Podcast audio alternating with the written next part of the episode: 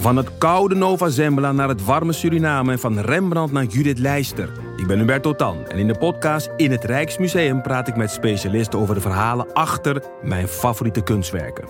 Nieuwsgierig? Beluister nu de nieuwe afleveringen. Hoi luisteraar, wij zijn Hugo, Max en Leon van de Grote Podcastlas. Wij zijn drie geografen en elke week behandelen wij een ander land. We bespreken onder andere de geschiedenis, politiek, natuur, maar ook de sport, de muziek en natuurlijk het eten. De nijlpaarden van Pablo Escobar, de vele bunkers van Albanië en het verschil tussen een sheik en een emir zijn zomaar wat voorbeelden die langskomen. Maar we bespreken ook de geopolitieke invloed van China in Afrika en de impact van het Europese kolonialisme.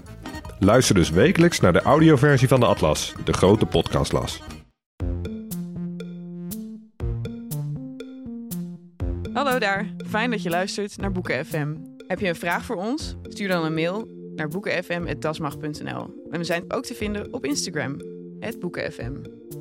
Wil je nou nooit meer een aflevering van ons missen? Abonneer je dan nu in je eigen podcast-app. En geef ons ook vooral een heleboel sterren en recensies. Dan zijn we ook zichtbaarder voor anderen die ons misschien willen luisteren. Ja, dat je denkt van, je wijst de godin van de schoonheid en liefde af, weet je wel. De man die normaal al heet wordt van alles wat maar een hartslag heeft. Ja, maar alleen omdat ze niet af. willen. Ja. Maar precies. zij zegt letterlijk: Kom Gilgamesh, wees mijn echtgenoot. Geef mij je zaad. Ja, dat is fantastisch. Dat is zeg er. ik ook heel vaak tegen mijn geliefde. Geef dat zaad nou aan mij. Hallo allemaal en welkom bij Boeken FM, de literaire podcast van Weekblad de Groene Amsterdammer en uitgeverij Das Mag. We zitten zoals altijd in de studio van Dag en Dag Media.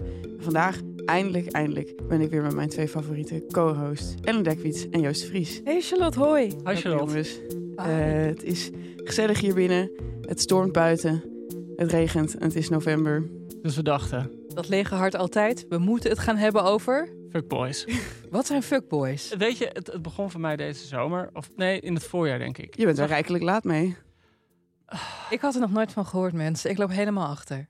Ik zag een filmpje, ik zag een trailer van een Brits tv-programma. En dat heette Fuckboy Island. En dat was een, dat was een reality-serie.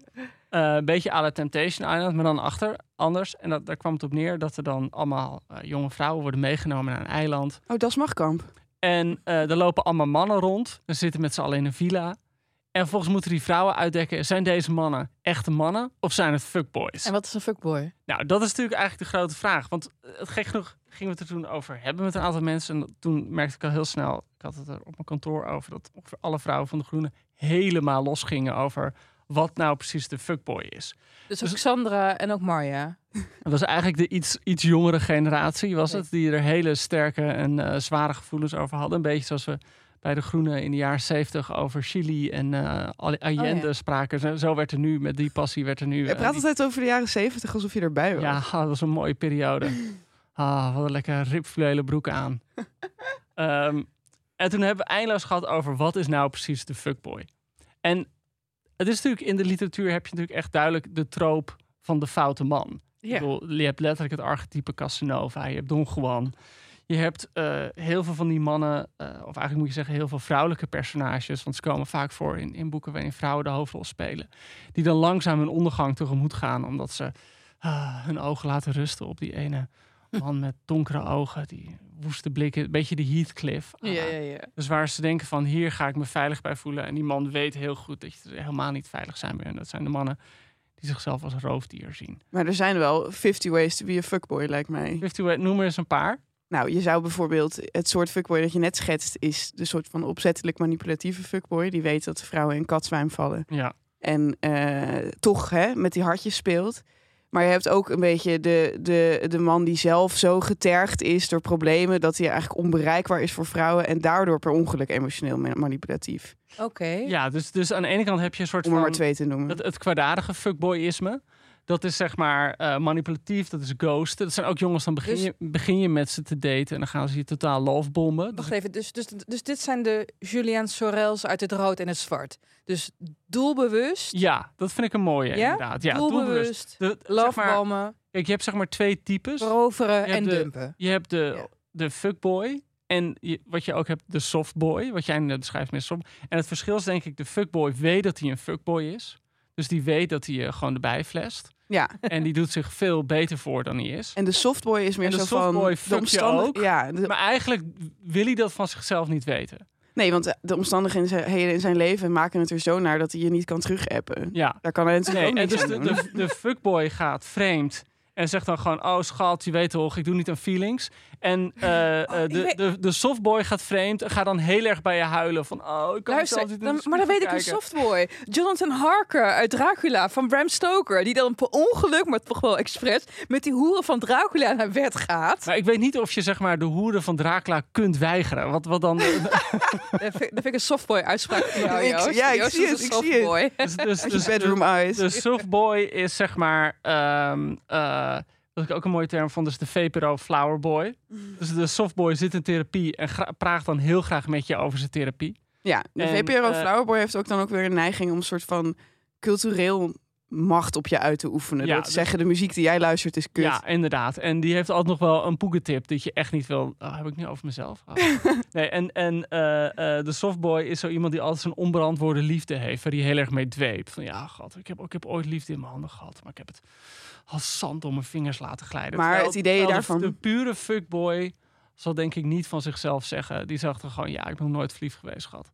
Ja, en, dus, en eh, een VPRO Flowerboy, a.k.a. Softboy, die heeft dan toch een handje van om vrouwen niet te kennen of te begrijpen. Echt. Dus dat hebben alle fuckboys denk ik Een gemeen. collega van me gaf als definitie van een fuckboy is iemand die na de seks aan je vraagt, hey, je bent toch wel aan de pillen? ja. Dat is zo'n figuur. Ja, maar ja, goed. Hè? Vele definities.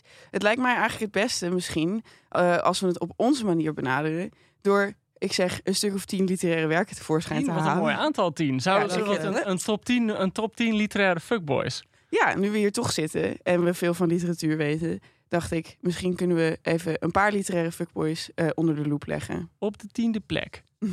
Eh, nou, ik zat bijvoorbeeld te denken, was een van de eerste namen die bij me opkwam, was de hoofdpersoon uit het boek Niemand in de Stad van Philip Huff. En die heet ook Philip. Ik weet niet of dat toeval is of niet. Maar Philip. Je hebt Je bent Philip- zo stom, En je hebt- Joost. Je hebt een personage, je hebt de schrijver die heet Philip Huff. En zijn personage heet Philip Hofman. Ehm, en ik vind het wel grappig omdat dat. ehm, ik heb dat boek een paar keer gelezen. Ik, ik heb de, het is ook verfilmd. Ik heb die film gezien. En Philip zit bij het koor. Hij zit, eh, het is gewoon echt een enorme koorbal die gewoon lekker aan het feesten is met zijn vrienden. Eh, dat boek, Niemand in de Stad, wat, wat er echt heel mooi aan is, vind ik, is dat het heel mooi die mannenvriendschap beschrijft. Dus het is een groepje koorballen die met z'n allen op de soos zitten of in het in, in het dispuutshuis wonen. En dan zeggen ze op een gegeven moment ook tegen elkaar van ja, de, de, de ramen bij het koor zitten heel hoog. En dat is niet zodat mensen, zeggen ze ja, je denkt dan dat is zodat mensen niet bij het koor naar binnen kunnen kijken, maar het is omgekeerd. Het is zo dat wij niet naar buiten kunnen kijken, zodat wij niet de echte wereld hoeven zien. Mm. En als wij gewoon in dat groepje bij elkaar zijn, dan mogen we gewoon lekker boys zijn. Dan mogen we lekker gewoon spelen. Hm. En, en ik weet nog dat, dat, dat eh, mijn collega Marja Pruis eh, het boek ging bespreken voor De Groene. En die zei, jezus, wat is dit nou? En die ging toen een scène voorlezen, wat een redelijk legendarische scène is. eh, waarin iemand tegen zijn vrienden, zijn koorballen zegt van... Oké, wat krijg ik van jullie als ik deze 32 borrelnootjes in mijn voorhuid kan stoppen? En dan zegt iemand, nou, als jou het lukt, dan eet ik ze op. Nou, daar gaat Grappig moet ik zeggen, het is verfilmd door eh, Michiel van Erp. En daar zit de scène ook in vol ornaat zit dat erin. Inclusief de voorhuid? Inclusief de voorhuid, ja. Het is echt een, eh, een, een, een waanzinnig voorhuid. Hebben ze daar een stunt voorhuid voor gebruikt? Nee, ze hebben, ik heb het wel gehoord hoe dat gaat. Ze hebben gewoon iemand gevonden met een, eh, met een enorme voorhuid. Oh, maar niet met een maillot of zo. Iemand, zeg je, alsof je het niet Ja, gewoon zelf was. Nee, ik, was, ik, was, ik ontken alles. Maar goed, in ieder geval deze Philip. Het is eigenlijk wel grappig, want het, het boek heeft helemaal zijn perspectief. En hij zit bij het koor en hij heeft een vriendin, daar is hij al heel lang mee. Maar ondertussen is er wel een ander meisje. Oh, ik wil Oh. heel veel onderbreken om te zeggen dat het opmerkelijk is dat de eerste fuckboy die we nu bespreken de hoofdpersoon is. En niet iemand die het hart breekt van de hoofdpersoon. Nou, het grappige is, daar heb ik ook wel voorbeelden van. Maar wat ik hier wel grappig aan vind, en, en dat vind ik ook wel een soort van typische, typisch iets, dat, maar dat is dan eigenlijk meer zeg maar de softboy variant van de fuckboy, dat deze Philip zelf gewoon niet helemaal doorheeft dat het een enorme fuckboy is. Dus eh, hij heeft een vriendin, daar is hij heel lang mee. Hij gaat, volgens komt hij een ander meisje tegen op de saus. Nou, hè, zoals die dingen gaan, daar gaat hij dan vreemd mee.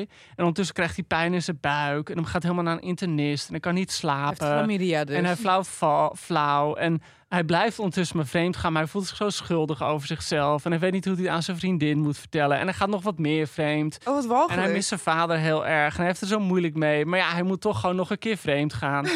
en om- het is wel grappig, omdat het gewoon helemaal zijn perspectief is. Dus je bent geneigd helemaal mee te gaan in, in zijn twijfel en zijn verdriet. Terwijl als je er gewoon een stap naar achter doet en erover over nadenkt, denk je, ja, dit is gewoon iemand die super manipulatief is. Die de hele tijd meisjes aan het ghosten is.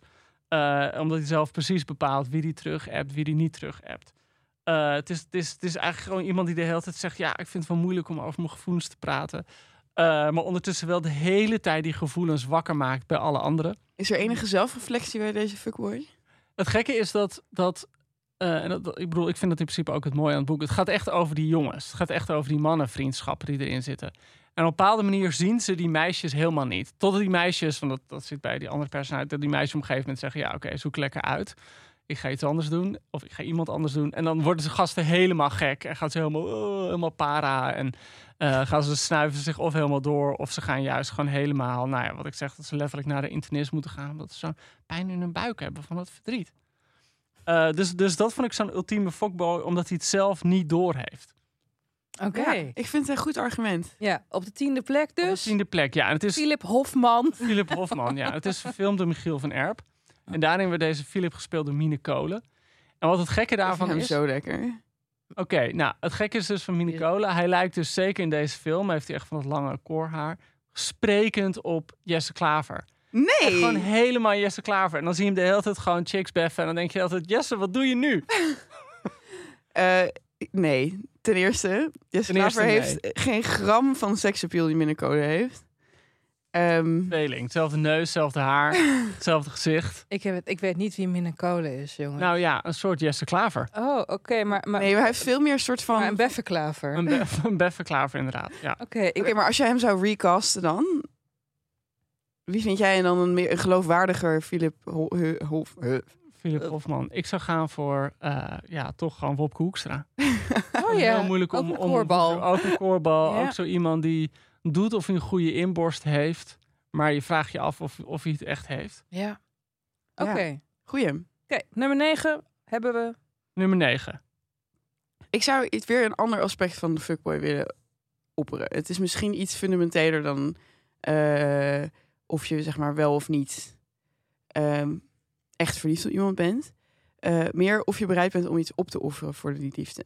Want ik denk dat een eigenschap van de fuckboy best wel vaak is dat hij wel in de romantiek gelooft en meegaat en die ook aanzwengelt. Maar dan vervolgens, als het moeilijk wordt, dan haakt hij af. Dus een echte fuckboy is een opportunist. En ik wil eh, eh, de fuckboy die ik heb gekozen, die komt uit de roman Maurice van E.M. Forster. eh, E.M. Forster. Maurice is al geschreven in 1913, maar omdat het om een homoseksuele liefde ging, pas verschenen in 1971, postuum. Ja, Ian Forster's zijn bekendste boek is A Room with a View. Klopt. Denk ik, zo'n Edwardiaanse schrijver die gewoon over ja, gewoon nette mensen schreef. Ja, hij deed van die soort van comedy of manners-achtige familieromans, dat soort dingen. Maar hij was dus ook homoseksueel. Eh, althans, dat weten we niet helemaal zeker.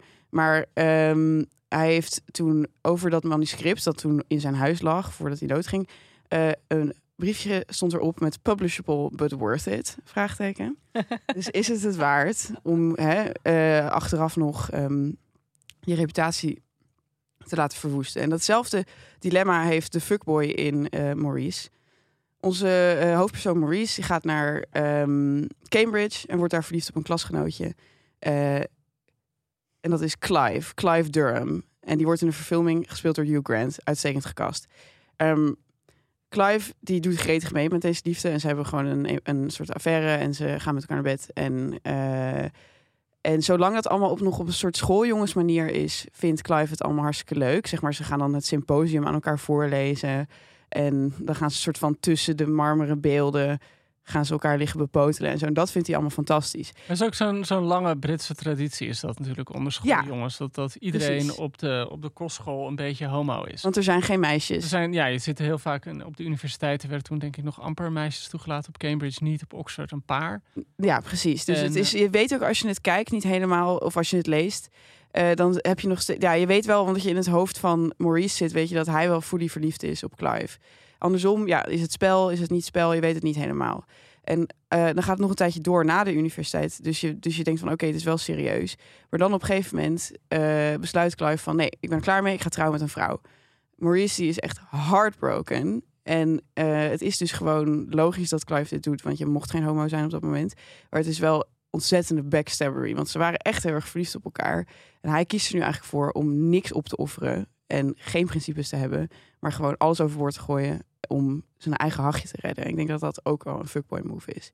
Oh ja, dat zeker. Lijkt een fuckboy. Maar je kan ook En- zeggen, ja, er is wel maatschappelijke druk. Want homoseksualiteit was illegaal in die tijd. Ja, Dat volgens mij was het Lloyd George, een van die pr- premiers uit die tijd, die toen echt een keer heel oprecht zei van homo's, die, die, die bestaan toch helemaal niet? Ik bedoel, als iemand homo is, dan, ja, dan heeft hij wel het fatsoen zichzelf neer te schieten of zo.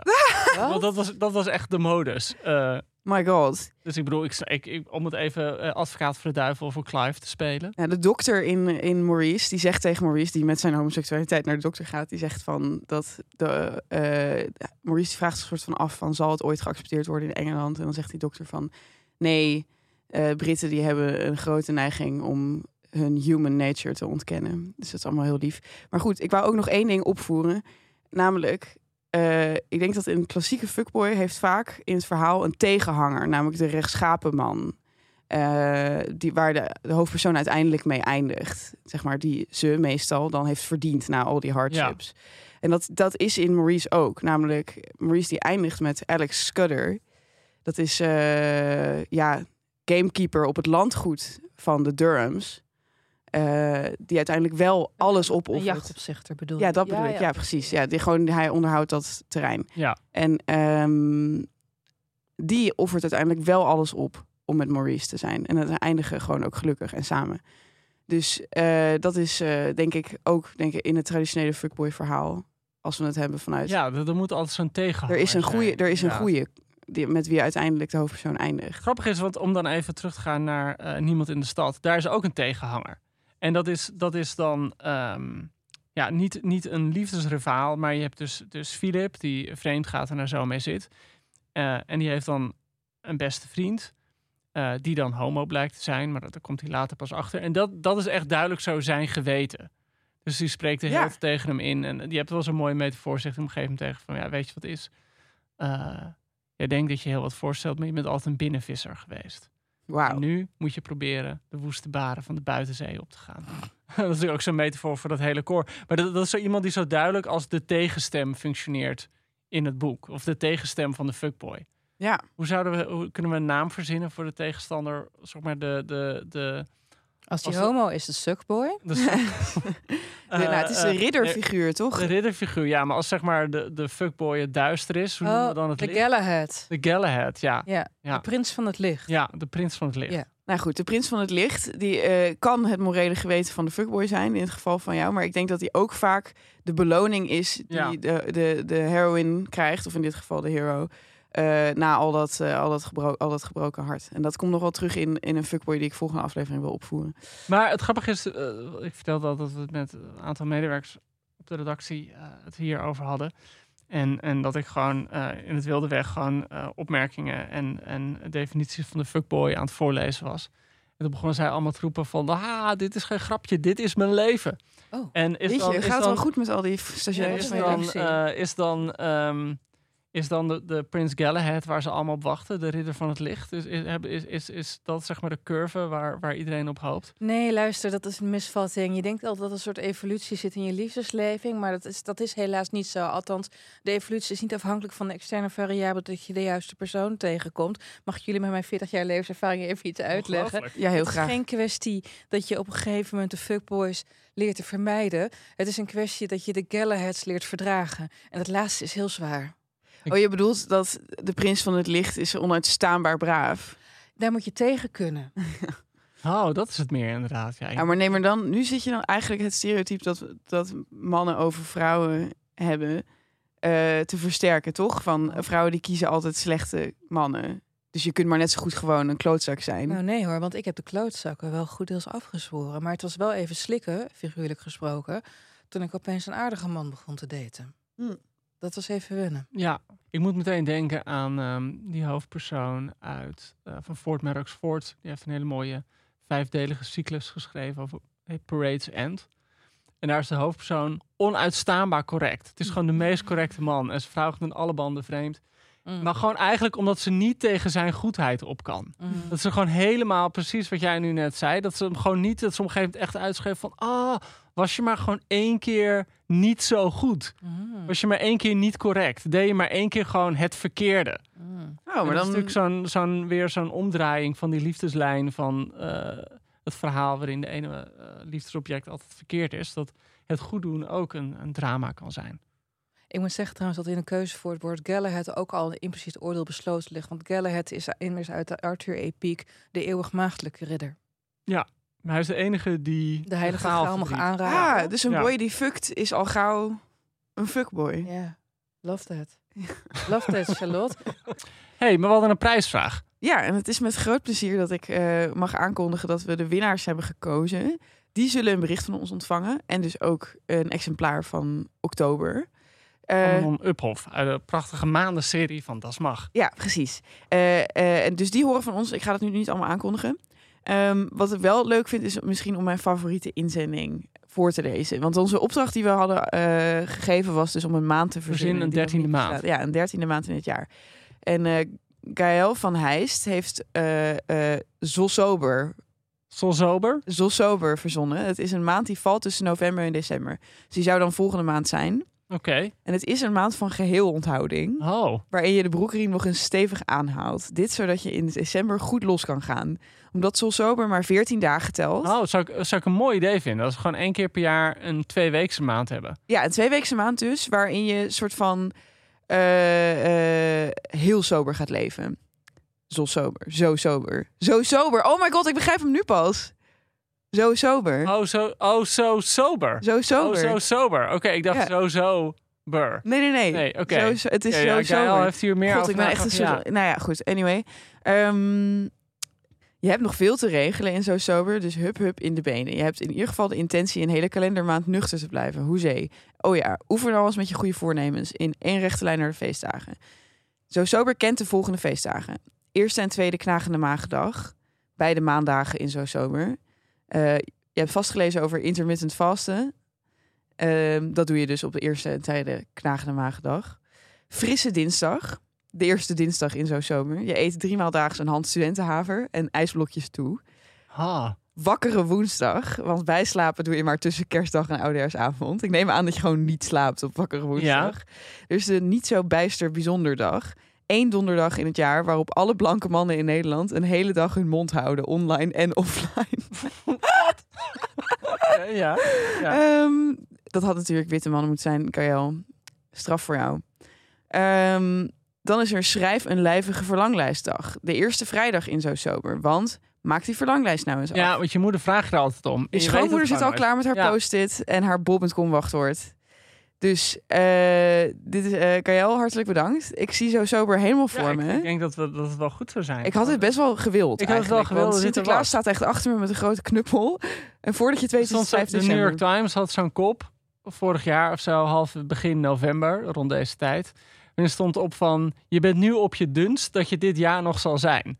Omdat zeg maar dan het moment aanbreekt van de ei dat je elke week kerstborrels hebt. Wat en afschuwelijk. dinertjes Ja. En, en dat gewoon afvallen voorkomen nog onmogelijk. Maar ik zie dat als een uitnodiging om nu zo snel aan te komen dat ik alleen nog maar kan afvallen ik tijdens wil nu kerst. gewoon zo sober. Ik vind het een heel goed idee om gewoon een draag broodje te eten. En dan gewoon als toetje Maar die, kun jij het wel- Een, een mond vol eh, ijsblokjes. Maar lukt het jou om de hele dag je mond te houden? Op Ja. niet zo bijster bijzonder dag. Ja, dat lukt me denk ik wel. Ja, ja, ik, eh, ja ik, ik ben als witte man, ben ik, eh, zoals je weet, heel bewust van de privileges dat ik heb. Eh, en van alle voordelen die de maatschappij me geeft. Dus ik vind het helemaal niet erg om soms een stapje terug te doen. Je, had het schijnheilige hoofd moeten zien dat hij net trok. Karel, heel erg bedankt. We hebben gelachen. Ja, Ehm, oktober komt jouw kant op. Oké, dus op nummer 9 hebben wij Clive. Ja. Clive Durham. Clive Durham. Dan gaan we nu naar nummer 8. Ja, jongens, ik heb eigenlijk nummer 8 en 7 tegelijkertijd gepakt. Want eh, ik heb hier heel lang over nagedacht. Moest het een antagonist worden uit een roman van Betje Wolf en Aagje Deken, zoals Cornelia Wildschut, moest ik toch de Vos Reinaarden, maar die was gewoon duizend keer erger dan een fuckboy. Dat wil je gewoon niet eens iemand aandoen. Ik dacht Absalom uit de Bijbel. Ik dacht Lestat uit de Vampire Chronicles. Ik dacht Landsloot van Denemarken uit Landsloot van Denemarken. Maar uiteindelijk kwam ik op twee fuckboys uit hetzelfde verhaal. Namelijk Gilgamesh en Enkidu uit het Gilgamesh-epos. Het wat, Ellen? Nou, ik zal het Het is even... wel heel mooi dat je de fuckboy zo ver terugvindt in de geschiedenis. Want, Want wat is ver terug, lieve luisteraar? Het is 4000 jaar geleden dat waarschijnlijk de oudste versies van deze vertellingen opkwamen. En Joost is heel schattig. Die heeft zijn Atheneum-editie meegenomen. En eh, je, je hebt je bereid gevonden om af en toe even wat dingen hieruit eh, te citeren. hè? al- je moet je voorstellen, dit boek eh, begint op, uiteraard op het eerste tablet. Want het is gevonden op tabletten. Kleitabletten, lieve Kleitabletten. mensen. Doodziek. Hij die, zo begint het boek. En zo moeten eigenlijk alle boeken beginnen, vind ik. Hij die alles gezien heeft. De grondvesten van de wereld. Hij die alles wist. Alles begreep. Gilgamesh die alles gezien heeft. De grondvesten van de wereld. Hij die alles wist. Alles begreep. Hij die alle landen ontdekte. Alle wijsheid verzamelde. Wat bedekt was, zag hij. Hem bleef niets verborgen. Hij heeft kennis gebracht van de grote watervloed. Hij heeft verre wegen bereisd. Vermoeid tot rust gekomen. Een gedenksteen richt hij op voor al zijn moeite. Ja, dat is prachtig. Maar het is meteen al wat bloemrijker dan hoe het verhaal verder gaat. Want zal ik het eens even samenvatten voor... eh ik zie Charlotte echt kijken. Nou, wat ik vind is het deze? best wel, Wat is deze? best wel erg in mijn literaire opvoeding dat ik nu in de context van de fuckboy aflevering van de podcast voor het eerst Gilgamesh Oh, maar wacht maar. Oké. tot Enkidu ten tonele Maar la- laat mij even, Joost, want ik heb me voorbereid. En ik vind, dit is mijn ding, want ik ben echt dol op dit verhaal. Oké, let op, lieve luisteraars. Voor degenen die dit niet hebben gehad toen ze in de brugklas kozen voor Babylonisch. Let op. Gilgamesh is de koning van Uruk. Wat waar? Uruk, dat is een stad in Irak. En hij was koning rond 2620 voor Christus. En hij is op dat moment de baas van Uruk. Het is een stadstaat en hij is de man.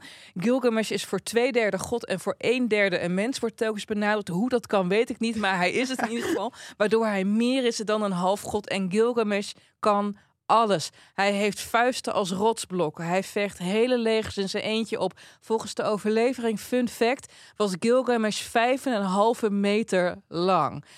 Niets en niemand houdt hem tegen. En daarnaast is het Uruk van twee millennia voor Christus ook geen rechtsstaat. Dus dan heb je eigenlijk als burgerbevolking een probleem. Want je hebt een leider die zo sterk is als een atoombom en doet wat hij wil. En dat doet hij dan ook.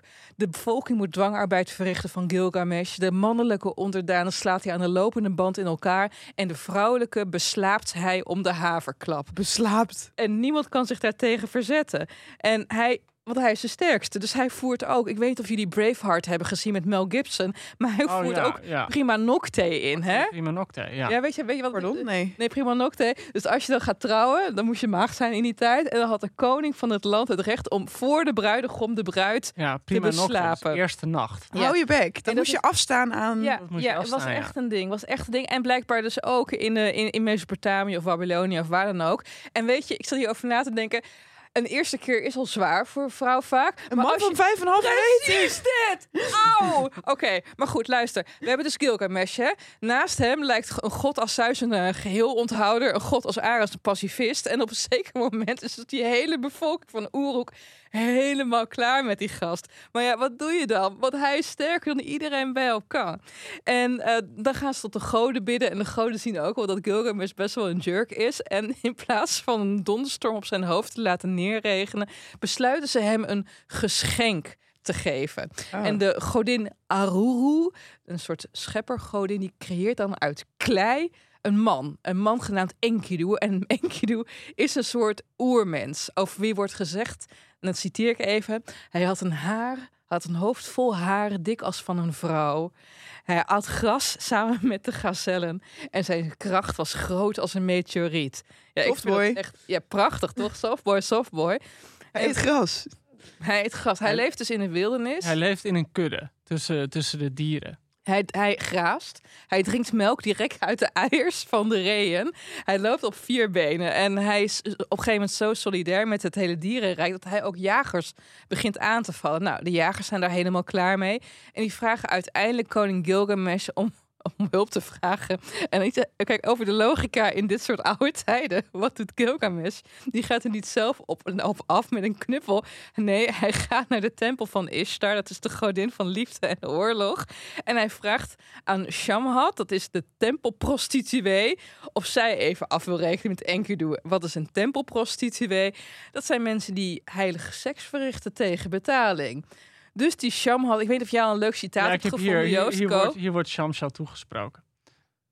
Eh, ze nemen haar mee, ze nemen haar, die, een jager neemt haar mee eh, naar eh, de steppen. En dan zijn ze aan het wachten totdat hij komt bij de waterplaats waar je kan drinken. Lijkt me een beetje above her pay grade om dit nu te moeten Nou, doen. wacht maar, want En dan, dan zegt, dan zegt eh, de jager tegen Shamshat, dat is hem Shamshat, ontbloot je borsten. Doe je benen wijd, opdat hij je nemen. Aarzel niet, neem zijn ademstoten tot je. Zodra hij je ziet, zal hij naar je toe komen. Doe je kleed uit, zodat hij je zal dekken. Doe met hem, de woesteling, het werk van een vrouw. Wow, yo. Het wild waarmee hij opgroeide in de steppen zal hem ontrouw worden, terwijl zijn liefdespel als een fluistering over je heen gaat. En eh, nou, dan gaat ze dus naartoe en dan wordt er gezegd, ze aarzelde niet en nam zijn ademstoten tot zich. Hij deed haar kleed uit en dekte haar. Zijn liefdespel ging als een fluistering over haar heen. Zes dagen en zeven nachten bleef Enkidu overeind en bedreef de liefde met haar. Ja, I love yo. this, I love this. there. I love this, I love this. Maar ook gewoon, weet je, ik snap het ook wel. Het is de eerste mensenvrouw die die gast ontmoet. En Ja. hij is nog maagd. Dan ga je het ook meteen Maar wat, doen. wat ik er heel zielig vind aan meteen is dat gegeven dat hij dan met haar eh, seks heeft gehad. En dan loopt hij terug naar zijn kudde. En dan wil de kudde niks met hem te maken Moet hij naar een vrouw ruikt. Ja, omdat hij, omdat hij mens is geworden. Dat is eigenlijk een heel zielig Ja. beeld. Dat, Maar Wat- luister, wat, wat, wat, wat daar ook bij komt, is dat eh, deze Shamhat, dus tussen het neuken door, leert hij ook spreken en zich gedragen als een mens. Dus ik weet niet hoe goed nou zij... ja, oké, maar als je zeven dagen, zeven nachten overeind blijft. Ja, ik vind het En- echt heel Tussendoor een dan etikettenlesje kan je dus Nou, een beetje zo van Eten met eh, mes en vork. werkwoorden, stam plus T, meer, meervoudsvormen. fokschaap. Ja. Anyway. Maar vertel, waarom zijn dit fuckboys? Nee, ik ga eventjes door. Want, Oh, door. eh, eh, want, want, want je, je moet een beetje de achtergrond weten. Want ik schrik me dat als Charlotte niet wist wie Gilgamesh was. Dus ik moet even voor de luisteraar van jouw leeftijdscategorie ook even informeren. Ik zal het even wat sneller doen. Hè. Ondertussen droomt Gilgamesh dat er een meteoor op hem valt. En droomt hij daarna dat hij een- bijl zal tegenkomen. Die hij zal liefhebben zoals een vrouw. Nou ja, dan weet je al dat die bijl eh, die rechtop staat eh, naar Enkidu verwijst. En ehm, die Shamhat, die priesteres, die eh, vertelt aan Enkidu van luister, wij worden geregeerd door echt een total asshole. En jij moet er wat aan doen. En eh, nou, dan neemt ze die Enkidu mee om Gilgamesh te ontmoeten. En Gilgamesh is toevallig net op weg naar een huwelijk om weer met de bruid te slapen. Nou, dat hoort die Enkidu. En zegt van ja, dat is belachelijk, weet je wel. En hij is natuurlijk net zelf ontmaagd, dus hij kan zich compleet inleven Hij weet nu alles van seks. precies hoe het is om maag te zijn. En vervolgens ehm, probeert Enkidu Gilgamesh tegen te houden. En dan ontstaat er een knokpartij. Ze slopen een hele omgeving. En dan blijken ze elkaars gelijk en ontstaat er een bromance van je welste. Het blijft een beetje vaag of het platonisch is of niet. Maar Gilgamesh noemt Enkidu ergens wel. En ik citeer, zijn, feestge zijn feestgewaad, mijn sjerp over mijn lendenen. Dus ik weet niet of dat helemaal... Mooi, Uh, eh, nou ja. Heel grappig om... spreek ik mijn vrienden ook altijd. Hé, hey, feestgewaad van me. ja, mijn lendenen sjerp. Ja, scherp van mijn lenden. Maar eh, hier, hierop volgen talloze avonturen. Ze slopen een beschermgod van een heilig cederwoud. Weet je, een soort Bolsonaro-actie. actie. Maar mag ik vragen, Ja. is Enkidu nu een soort van eh, naar de dark side gegaan of is Gilgamesh nu... Dat is dus de grap. Enkidu is naar de dark side gegaan en Gilgamesh is in die zin getemd dat hij veel meer met Enkidu bezig is in, in plaats van het verkrachten van jonge vrouwen en het ronselen van slaven voor al zijn bouwwerken. Ah. Hij heeft gewoon een bliksemafleider gekregen. Ja, ja. Maar op een gegeven moment, ehm, op een gegeven moment, dat is ook weer zo'n, dat is zo'n fuckboy moment, hè?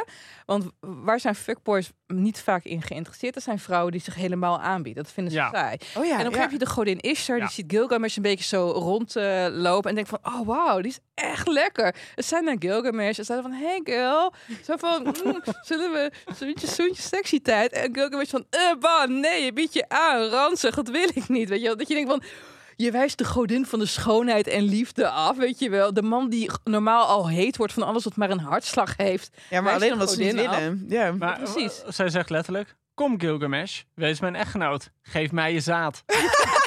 Ja, dat is fantastisch. Ah, Dat is zeg daar- ik ook heel vaak tegen mijn geliefde. Geef dat zaad nou aan mij. Doe. Maar goed, Gilgamesh zegt nee. En Isha loopt dus een blauwtje. En dan wordt ze zo boos om. Dat ze van, aan haar vader vraagt of ze de hemelstier even mag lenen. En de hemelstier is precies inderdaad wat je denkt dat het is. Dus niet met seks. Maar het is gewoon een monster.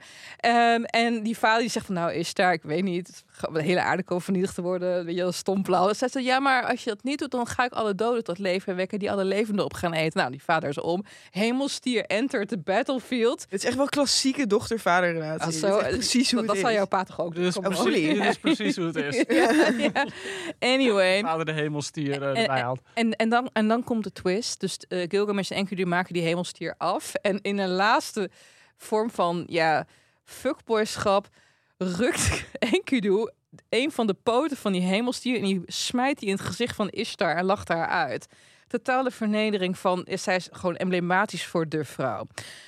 En dan zijn de goden er helemaal klaar mee en dan maken ze Enkidu ziek en Enkidu gaat dood. En dan is er een totale twist in het verhaal. Gilgamesh wordt depressief en die raakt geobsedeerd met doodgaan. Hij is als de dood om te sterven. Het is ook een verhaal opeens over rouw, want hij mist overal waar hij gaat eh Enkidu en hij gaat naar de dode wereld. Nou, dat is ook nog een heel lang tragisch verhaal. Hij, hij moet een plantje vinden wat je dan onsterfelijk maakt. Hij vindt dat plantje, maar het wordt opgefroten door een slang. Dus ook een van die oude mythische verhalen die gebruikt wordt om reptielen te demoniseren.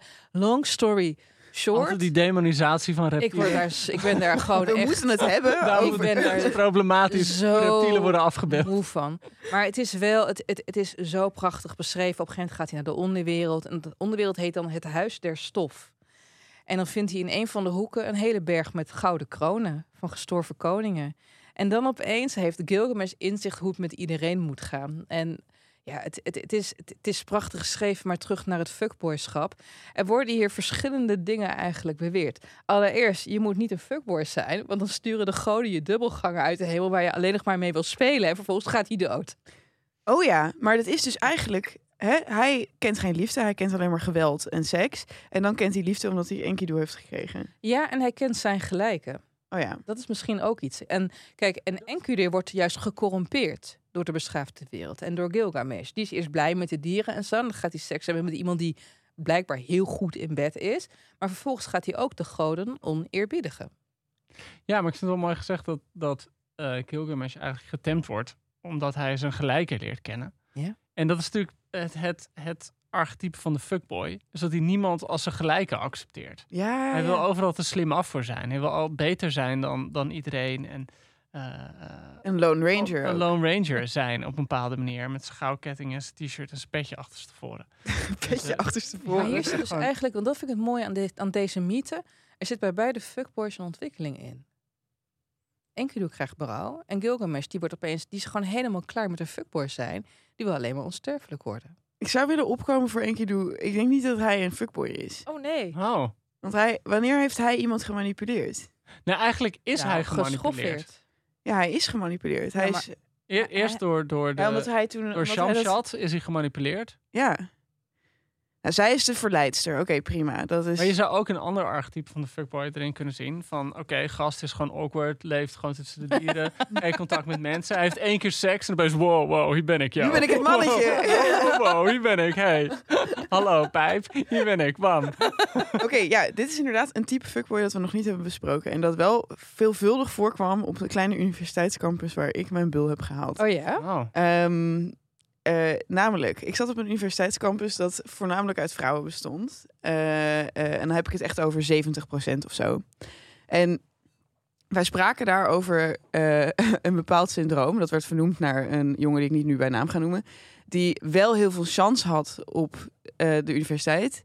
Maar zodra hij eraf was, buiten de context van die muren, helemaal niet. Omdat het was gewoon een kwestie van... inflatie en schaarste. Oh ja. Dus er waren een heleboel hele lekkere wijven daar. En die moesten het doen met pak een beet 2,5 hetero.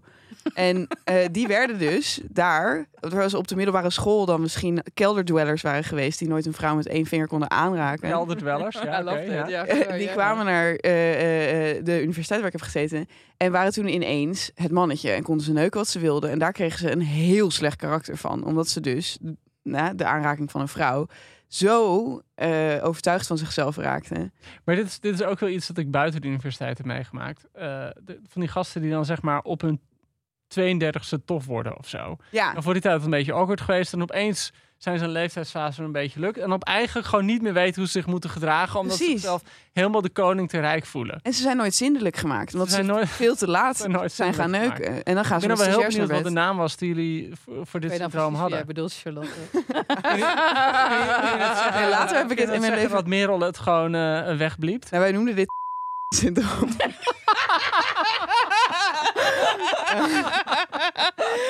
Grappig, grappig. Ja. Maar goed, in ieder geval. eh eh ik, Enkidu zou dus... eh, ik, je zou daarvan kunnen zeggen dat hij het syndroom heeft. Ja. Oké. En als we, als we nou ehm eh Enkidu... Ik moet zeggen, Ellen, die ga ik ingeven. Ik heb een prachtige strip eh, van Gilgamesh. Trouwens, voor de mensen thuis ook echt heel leuk om te lezen, het Gilgamesh. Het is, het is nog geen honderd bladzijden. dus ik vind het wel... om- Voor een Het epos vind ik het nog gewoon... Het zijn zulke mooie metaforen er ook in. Het is echt, bedoel, ik, ik vertel het natuurlijk wel een beetje tof. Maar omdat ik gewoon levensmoe ben. Maar het is echt Gewoon zo mooi. Of gewoon tof. Nee, ik ben levensmoe. Mag ik nog even deze zin? Dat vond ik ook een, mooi, een hele mooie term. Echt goed geschreven. Hoog rijst hij boven alle koningen. Roemrijk, schoon van gestalte. De stotende stier.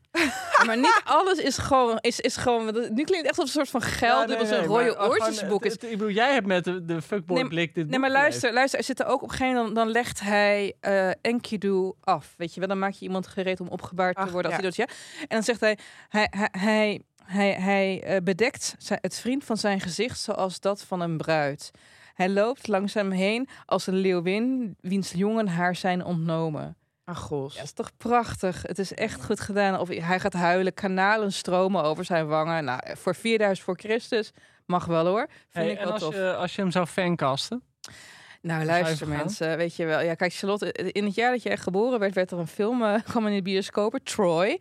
En daar had je dus Brad Pitt als Achilles en Eric Bana als Hector. en Oh ja, mijn God. ik vind die twee mannen zo knap en zo. Ja, gewoon van die, van die langharige baardapen. Brad Pitt is echt blonder dan ooit in die film. Hij ziet er echt uit als een aap. In die film Love Gewoon aper, apiger dan Oh. ooit. Maar wacht, speelt hij Enkidu? Nee, Nee. hij speelt Achilles. Nee, hij, nee hij, hij speelt natuurlijk Gilgamesh. En Eric Bana, Oh, ja. die speelt Enkidu.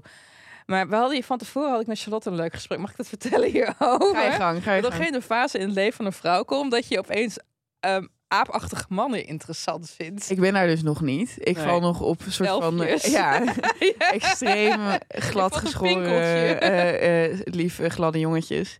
Wat en ja, ik weet niet wel, wanneer, eh, als je het op een jaar zou willen vastpinnen, wanneer ging jij vallen op harige mannen? De 34ste denk ik. En dat kon echt niet eh, reusachtig en harig genoeg zijn. Oh ja, maar dat is volgens mij, is dat niet een soort laatste schreeuw van, van de vruchtbaarheid? Van nu, er moet nu een gorilla overheen. Ik denk, ik denk, dat zou kunnen, maar, maar ik, heb, ik bleef nog steeds veel plezier in die laatste schreeuw. Die, die, die, die, die, die huiselijke dooskreet van mijn vruchtbaarheid.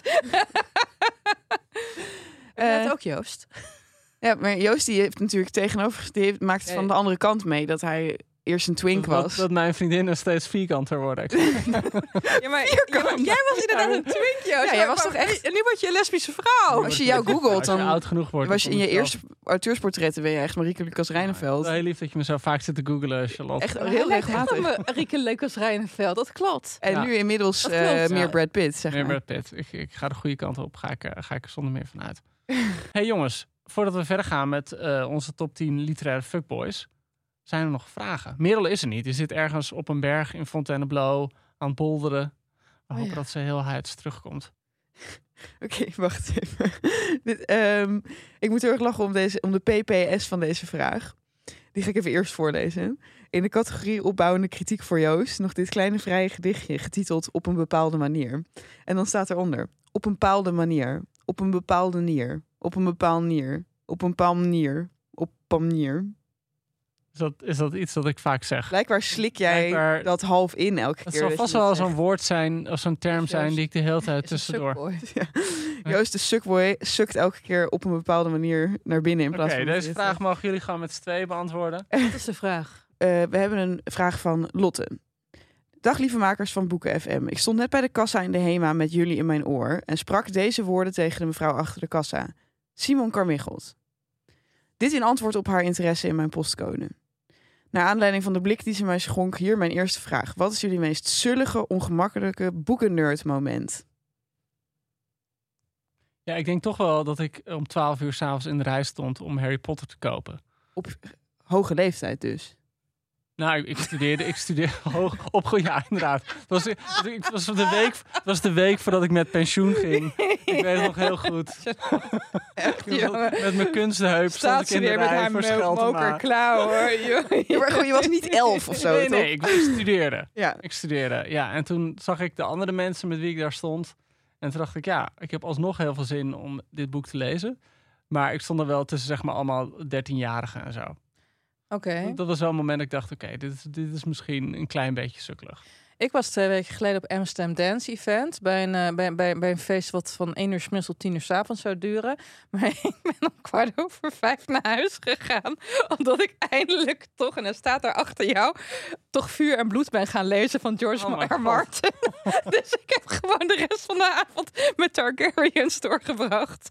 Ik heb ook een keer gehad, dat vond ik ook heel denigrerend. eh, toen eh, was ik aan het praten met Gilles Doorlijn. De Emeri- stoorlijn. Shout out. Emeritus eh, hoogleraar. En toen was hij aan het vertellen hoeveel hij altijd... Hè, dat hij dan eens in de zoveel tijd weer Proest ging lezen. En toen zei ik, oh, je ga je dan Proest lezen als er een nieuwe vertaling is of zo. En toen keek hij me echt zo aan met zo'n blik. Toen zei hij, je bedoelt als er een nieuwe Pleiade uitgegeven is. Oh, my. Pleiade is een hele chique Frans Franse uitgave. ja. Dat gewoon kopen keek als een alsof ik gewoon een of andere barbaar was. Dat ik veronderstelde dat hij Proest in vertaling las. Nou ja, luister, kijk, Gilles is expert op het gebied van Pierre Bourdieu. Dus ik weet niet of het alleen maar literair intern zal zijn. Jij werd wel echt op je nummer gezet, zeg. Ja, ben jij nummer. gediste Gilles? Ja. Ik Mijn ongemakkelijkste moment is denk ik eh, dat ik tijdens een eh, active shooter drill op mijn basisschooltje in Amerika, eh, daar moesten we een soort van, dan ging er een alarm af en dan moesten we doen alsof er een schutter in de school was. Fun. Eh, en dan moesten we in onze kluisjes gaan zitten. Dus het waren niet van die dunne kluisjes in de gang, maar het waren een soort houten kasten in het klaslokaal. Daar moesten we dan in gaan zitten en dan moest je je tien minuten stilhouden met de lichten uit. En dan gingen ze een soort van langs de deuren en kijken of je je netjes had verstopt. Eh, ja, dit is Amerika. Eh, en ik had, eh, omdat ik wist dat die active shooter drill er die dag zou zijn, had ik speciaal in mijn kluisje had ik een boek klaargelegd voor mezelf om te lezen.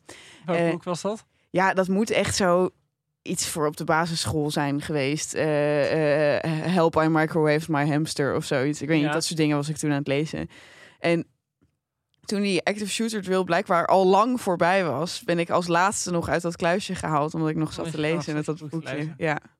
Ah, Ja. kleine Charlotte. ja, leuk hè. Ah, dat was wat. 2014.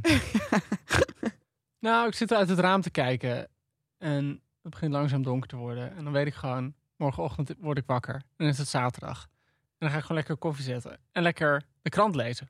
Oh ja, welke krant lees jij dan? Nou, dat zal ik je vertellen. Dan ligt altijd de Volkskrant op me te wachten. En je bent toch altijd gewoon benieuwd... wat is het grote interview in de Volkskrant Magazine? Welke mening heeft Martin Sommer vandaag weer om mee oneens te zijn? En de boekenbijlagen. De boekenbijlagen. Welke, welke ballen zijn en wie uitgedeeld? Ehm, dus ja, voor mij is het altijd een, een heel lekker vast moment. Ik bedoel, hè, ik werk voor de Groene Amsterdammer, maar je kan niet zonder kranten. Een heleboel mensen die ons luisteren hebben misschien nog geen abonnement op Volkskrant. Daarvoor is het eh, nu eh, tot 25 november een actie die ze kunnen proberen. Namelijk vier weken de Volkskrant voor maar 4 euro. Dus dat is echt heel Dat betaalbaar. is echt heel goedkoop. Ja, nou heb je dus vier keer het magische zaterdagmoment. In ieder geval, je kunt echt voor eh, een prikkie krijg je vier weken het belangrijkste nieuws, feiten, analyses, achtergronden, stukken over kunst, media, entertainment. Inderdaad, de boekenbijlagen waar ik ook voor schrijf. Eh, dingen over eten, Wat schrijf geschiedenis. je ook voor een andere boekenbijlage dan die van de Groene? Wat? Ja, en de heerlijke stukken van Patrick van IJzendoorn uit Londen. De toneelbesprekingen van Herien Wensink. Ik bedoel, ja, ik, voor mij is er, altijd, is er altijd heel veel te vinden in de Volkskrant. Ja, en voor jullie dus misschien ook. Eh, dus eh, ga naar vk.nl schuine streep proberen. En dan kun je dit proefabonnement Proberen. proberen. Ehm, Helaas komen we dan nu tot het einde van ons eerste, Eerste deel. deel. Want we we gaan verder. Ellen eh, gaat racen. En wij gaan Ik gewoon... moet er vandoor, jongens. Het spijt me vreselijk. Ze Maar heeft een date met een fuckboy. Ja, er wacht een nee, ik fuckboy heb op geen haar date. in Ik ga Groningen. naar eh, boekhandel Boomker in Haren. Eh, maar dan komt, hebben we een prachtige vervanger voor, voor Ellen. En dan gaan we gewoon rustig verder met de podcast. En dan gaan we dus dat volg gaan we dat doen. Deze aflevering komt iets later dan Ja, gebruikelijk dat hoef online. niet te maar dat, dat hoef ik helemaal niet te zeggen. Want mensen die dat, Dat we luisteren, vorige keer al die gezegd. weten dit ja, al. Oké, ja. goede reis. En veel succes in Haren. Oké. Oké, dan ga ik dit even opnieuw Even- proberen. Ja. Zeg ik, nou, ondertussen eh, heeft... eh, ik kan niet op de naam komen. Sorry, opnieuw. ondertussen heeft Ellen als een, als een gek de tas ingepakt, eh, de blikje cola geat en is de deur uitgerend. Dus hier pauzeren we de opname. Dat waren de eerste vier van onze top 10 literaire fuckboys. Maar Joost en ik zijn, eh, hebben de smaak te pakken. Dus we gaan denk ik nog even verder. Ellen gaan is inmiddels. We eh, gaan gewoon- afgevoerd. we gaan de laatste zes, de volgende zes gaan we ook nu meteen opnemen. Maar ik denk dat we dat niet alleen kunnen. Nee, we hebben, we hebben een grote wijze gestalte nodig. Iemand die haar portie fuckboys wel gehad heeft. De, de uil van Minerva van de literatuur. is dat een vrouwelijke uil? Ik weet het niet. Een uilin van Een uilin, ja. Ehm, het mooiste zou zijn als er nu ook letterlijk naar binnen kwam. Dat zou echt Door de het raam. De soepelste keer naar binnen kwam vliegen. Dat zou de soepelste knip van Merel zijn. Ehm, maar we moeten denk ik nog even wachten. Nee, we zien, eh, we zien jullie over eh, iets minder dan een week alweer terug. Want dan gaan we verder met de tweede aflevering van onze Fuckboy dus- podcast. dus omdat we, ja, oh, we doen dit zo onhandig. Ja. Deze aflevering staat online op vrijdag. En in plaats van dat je twee weken moet wachten op je podcast, de volgende aflevering van ons, zijn we er over vijf dagen alweer. Gewoon aanstaande woensdag. Krijg je meteen het tweede deel van deze top 10 literaire fuckboys. Dankjewel Joost. Dankjewel, ehm, Charlotte. God, je een soort afasie. Je, weet, je gewoon niet meer. Te veel namen heb ik hier op mijn papiertje staan. nou, ik bedoel, gewoon, ik ben heel blij dat ik weet wie ik zelf ben.